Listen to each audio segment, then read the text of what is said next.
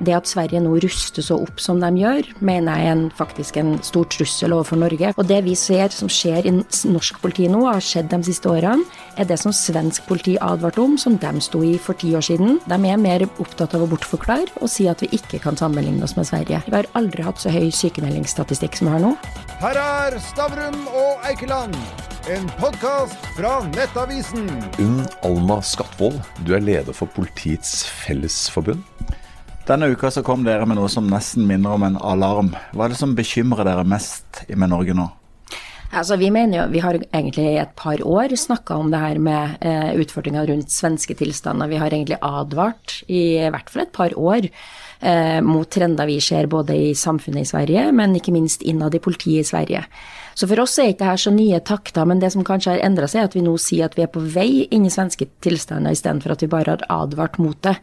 Og da er det jo så klart den kriminalitetsutviklinga vi har sett i det siste, den voldsbølgen som er i Sverige, eh, men også i forhold til det som skjer med politiet i Sverige, som vi på en måte nå kikker over til og tenker at vi har noe å lære av. Og så er det én ting til jeg syns er litt viktig. Det er det at det at Sverige nå ruster så opp som de gjør, mener jeg er en, faktisk en stor trussel overfor Norge, for da vil vi kunne være dem nesten i linja som, som eh, de her nettverkene kikker mot. Men du, du bor jo nærmest på svenskegrensa, og du har jobba med kriminalitet over mm. grensa, bl.a. narkotikakriminalitet. Mm. Har du noe tro på at vi klarer å stoppe dette fra å komme til Norge?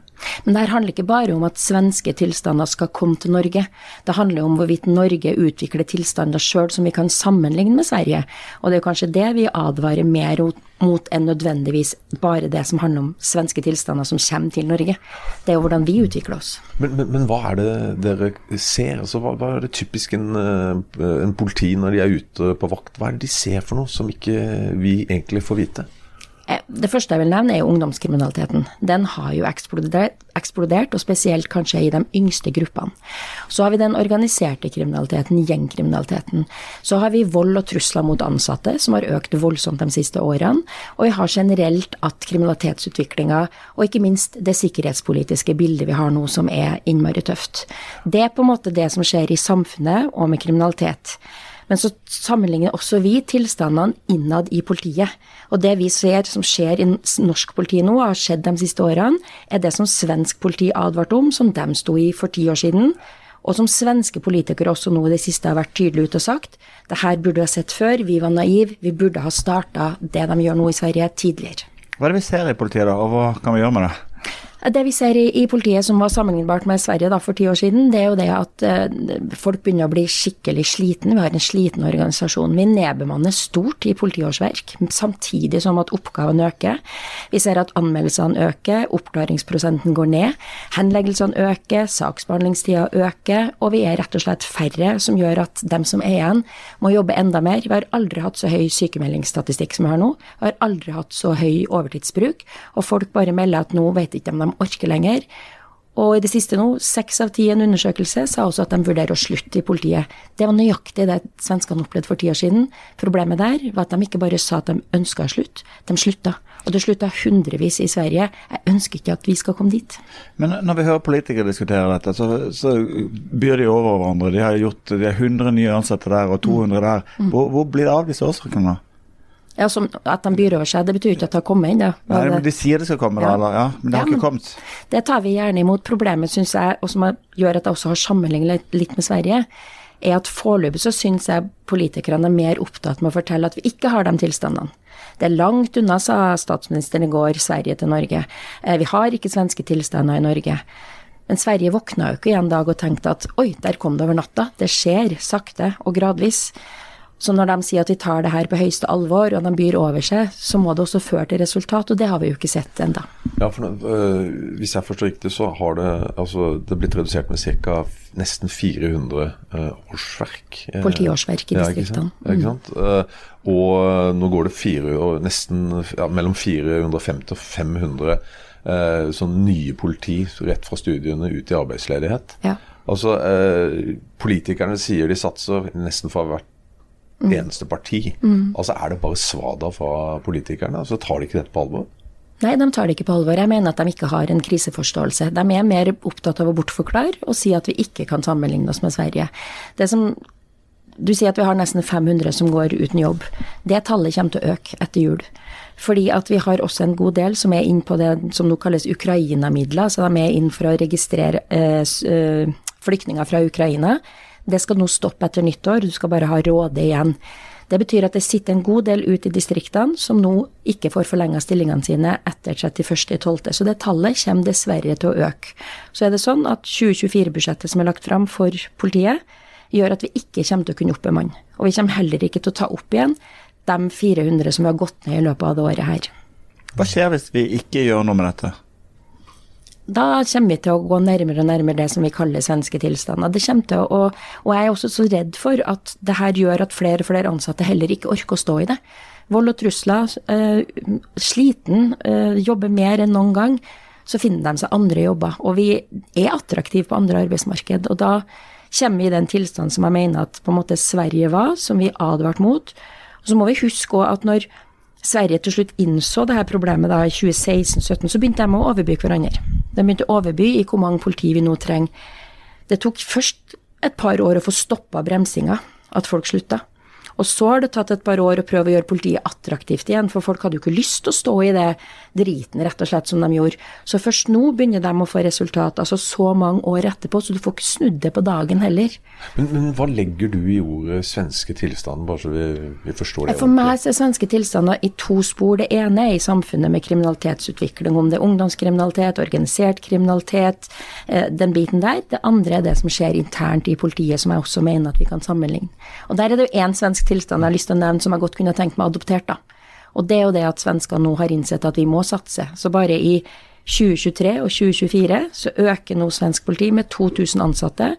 De har økt budsjettet sitt på få år med 80% og de skal øke med 3-4 milliarder neste, hvert år de neste årene, fordi de har innsett at vi lot det gå for langt før vi snudde.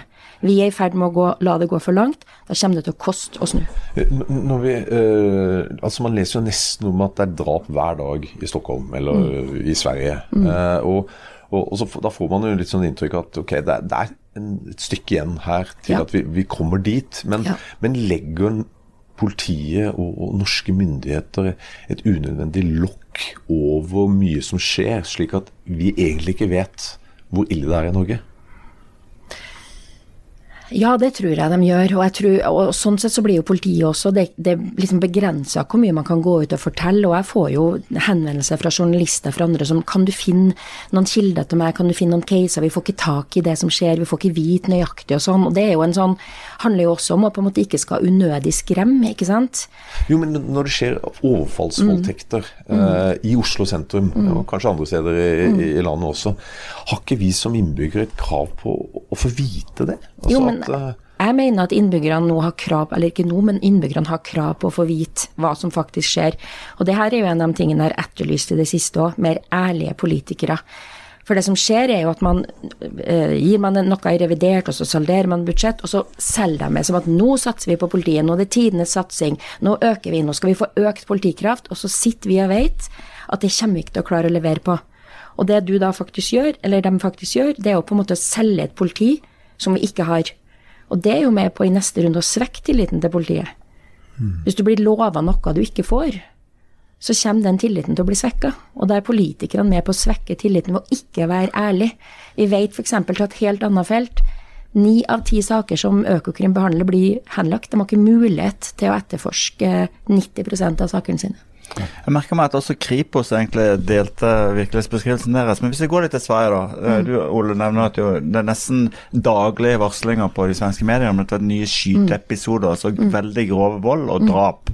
Vi ser ungdom veldig langt ned i alder som driver med voldskriminalitet. Mm. Eh, og vi opplever at, at husene til eh, altså mm. boligblokker blir sprengt i lufta som mm. hevn mot, eh, mot slektninger. Mm. Og så har vi hatt noen nye episoder i Norge som tyder på at det samme er i ferd med å komme til Norge. Ja. Tror du vi bare er i begynnelsen av noe som blir ganske svært? Ja, jeg tror vi er i begynnelsen nå. Derfor sier jeg at det er mye lettere å prøve å stoppe det nå enn når det har gått mye lenger. Eh, Kripos sier jo at eh, det her kriminelle nettverket Foxtrot er jo i nesten ja, Det er vel bare ett politidistrikt de ikke finnes i. Vi ser nå at de siste hendelsene i øst, både med eksplosjonen i Drøbak og med den skytinga i Moss, eh, har forgreininger til Sverige.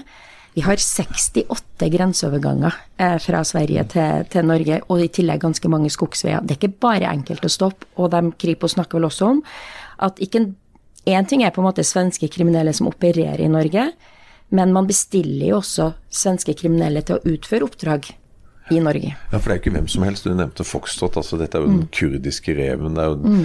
personen som egentlig er i krig med en annen uh, i Sverige, som egentlig skyld i veldig mange av disse, mm. disse drapene. Så altså, For meg så virker det jo som at egentlig det er mye verre i Norge allerede enn det man egentlig kan forestille seg. Mm. Og, og, med da å holde det lokket som, som myndighetene gjør med å ikke fortelle alt. altså det er... Det, er det ikke frustrerende for deg som For det er dine medlemmer som møter disse hver dag, som settes i fare, og så hvor eh, Ja. Vi har også medlemmer som lever på skjulte adresser. Vi har medlemmer som opplever vold og trusler. Det har økt voldsomt mot også ansatte i norsk politi. Eh, så det her er noe som våre medlemmer står i, i hver eneste dag, og de er jo så frustrert over at det blir lagt lokk på. De, for da blir på en måte de mistrodd i sin forklaring av hva som faktisk skjer ute her, da. Altså, forrige uke så hadde vi Norges mest kjente torpedo på besøk, eh, Espen Lie, eh, som forteller om egentlig med en sånn nesten en fordomstid som er sånn eh, vakker å komme tilbake til. Det holdt nesten at han, at han dro og snakka med folk. Mm. Og så forteller han at dagens uh, torpedo- og pengekrevere i Norge de er vanvittig mye mer brutale enn en de var. Mm. Eh, men selv de er jo, er jo, på en måte snille i forhold til de vi importerer fra Sverige, da, som er mm. vant til mm. drap, rett og slett, for, for, for å vinne fram. Ja. Ja. Nei, men det er grusomt. Og så tenker jeg at eh, det blir mye fokus på akkurat det med organisert kriminalitet, men det er jo også Kripos tydelig på at før det ofte blir organisert kriminalitet, så er jo utfordringa ungdomskriminaliteten, som har eksplodert. Den har økt voldsomt i Norge de siste årene, og spesielt i de yngre årsgruppene, altså de som er under også strafferettslig, ikke sant. Eh, og dem igjen, hvis det ikke håndteres, så er jo veien kort over til gjengkriminalitet, og igjen da over til organisert kriminalitet. Så politidistriktene som nå nedbemanner da, med politiårsverk, som gjengprosjekt legges ned her og der, forebyggende avdelinger legges ned her og der, det er jo der man har tatt ned mye i politidistriktene i det siste, fordi at forebyggende er det som på en måte må lide når man har akutte hendelser. Så er jo det en forferdelig grobunn videre, da til det mer større som du egentlig peker på. Mm. Men eh, Når vi ser på Sverige, så, så er det jo ekstrem gjengkriminalitet. Og, og, og, veldig mange av de gjengene, slik jeg har forstått det, uh, det er uh, personer og gjenger med ulike uh, innvandrerbakgrunn. I Norge så ser vi også at det er gjengkriminalitet. Det er gjenger som slåss på Oslo S, og i Oslo sentrum, ja, nesten hver uke.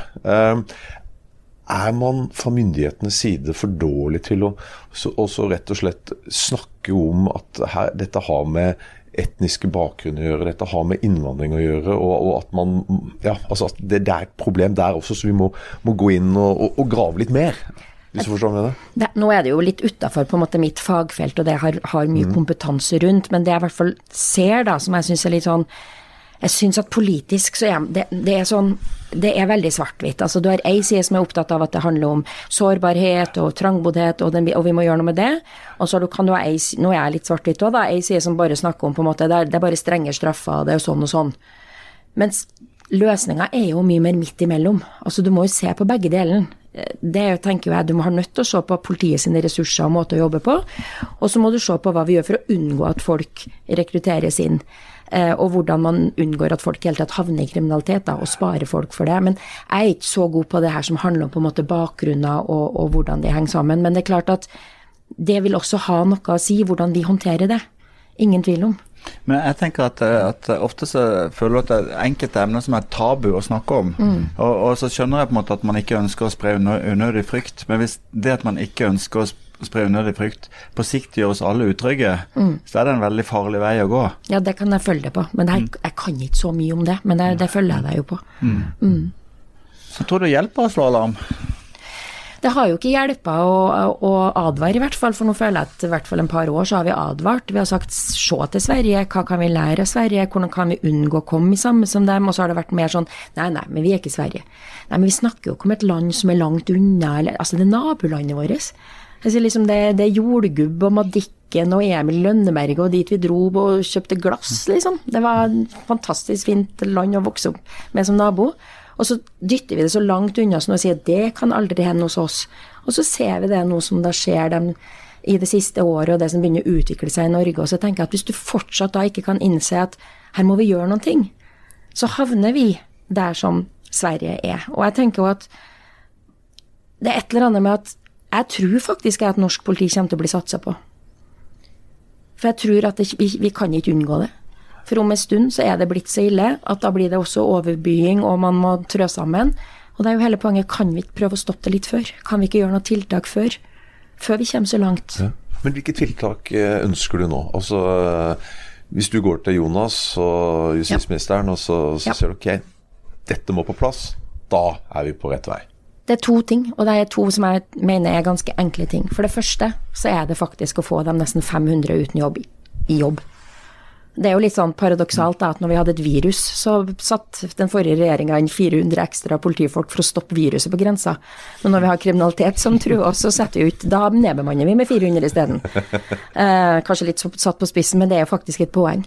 Men, men vi har altså snart 500 eh, uten jobb som kunne vært satt inn, tenker jeg, i neste uke. Det ville vært et første godt tiltak, ikke bare opp mot grensa av Sverige, men generelt mot det jeg snakker om, det ungdomskriminalitet eller etterforskning eller alt det som politiet faktisk sliter med nå, da. Det kunne vært det første tiltaket. Det andre tiltaket, og det er det som er antagelig litt krevende, så det er derfor jeg blir litt sliten av politikere som driver og krangler hele tida fram og tilbake, for da holder de seg i kranglinga, og så blir de ikke så opptatt av å løse det. Hvem gjorde mest og minst før? Det er veldig lite produktivt. Men hvis hvis vi kunne fått det, da, for vi er veldig tydelige på at det vi trenger, er en langtidsplan. Og det er det Sverige nå har lagt seg på, ikke sant.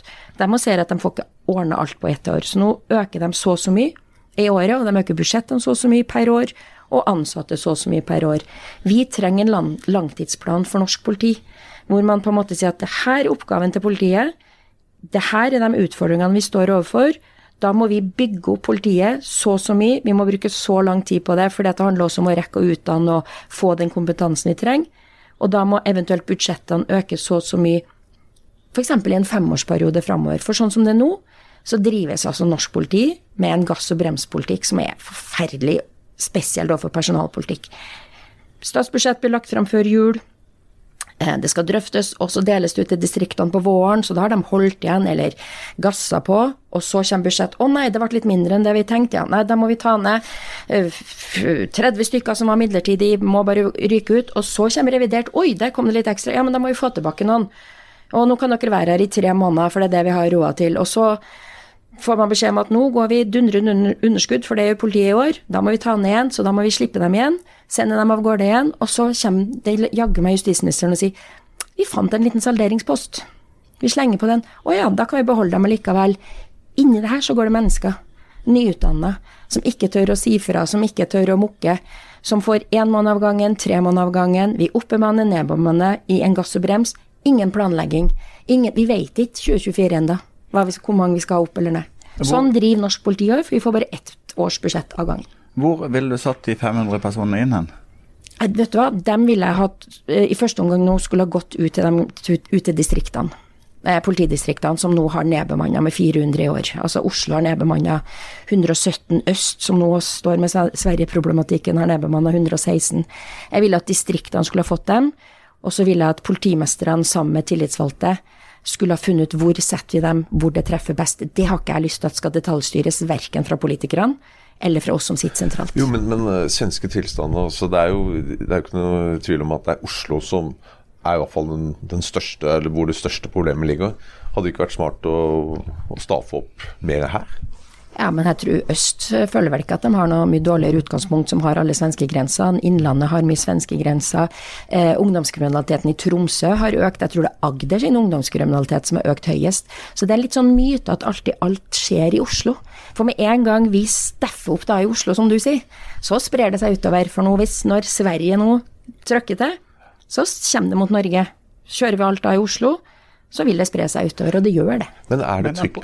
Apropos, apropos Agder, for det ikke sånn har vi jo sett uh, svært unge voldskriminelle. Altså mm. Vi snakker liksom ned til mm. tolvårsalderen. Mm. Og så har vi, har vi en, en, en lavalder, strafferettslig lavalder på 14 år. og mm.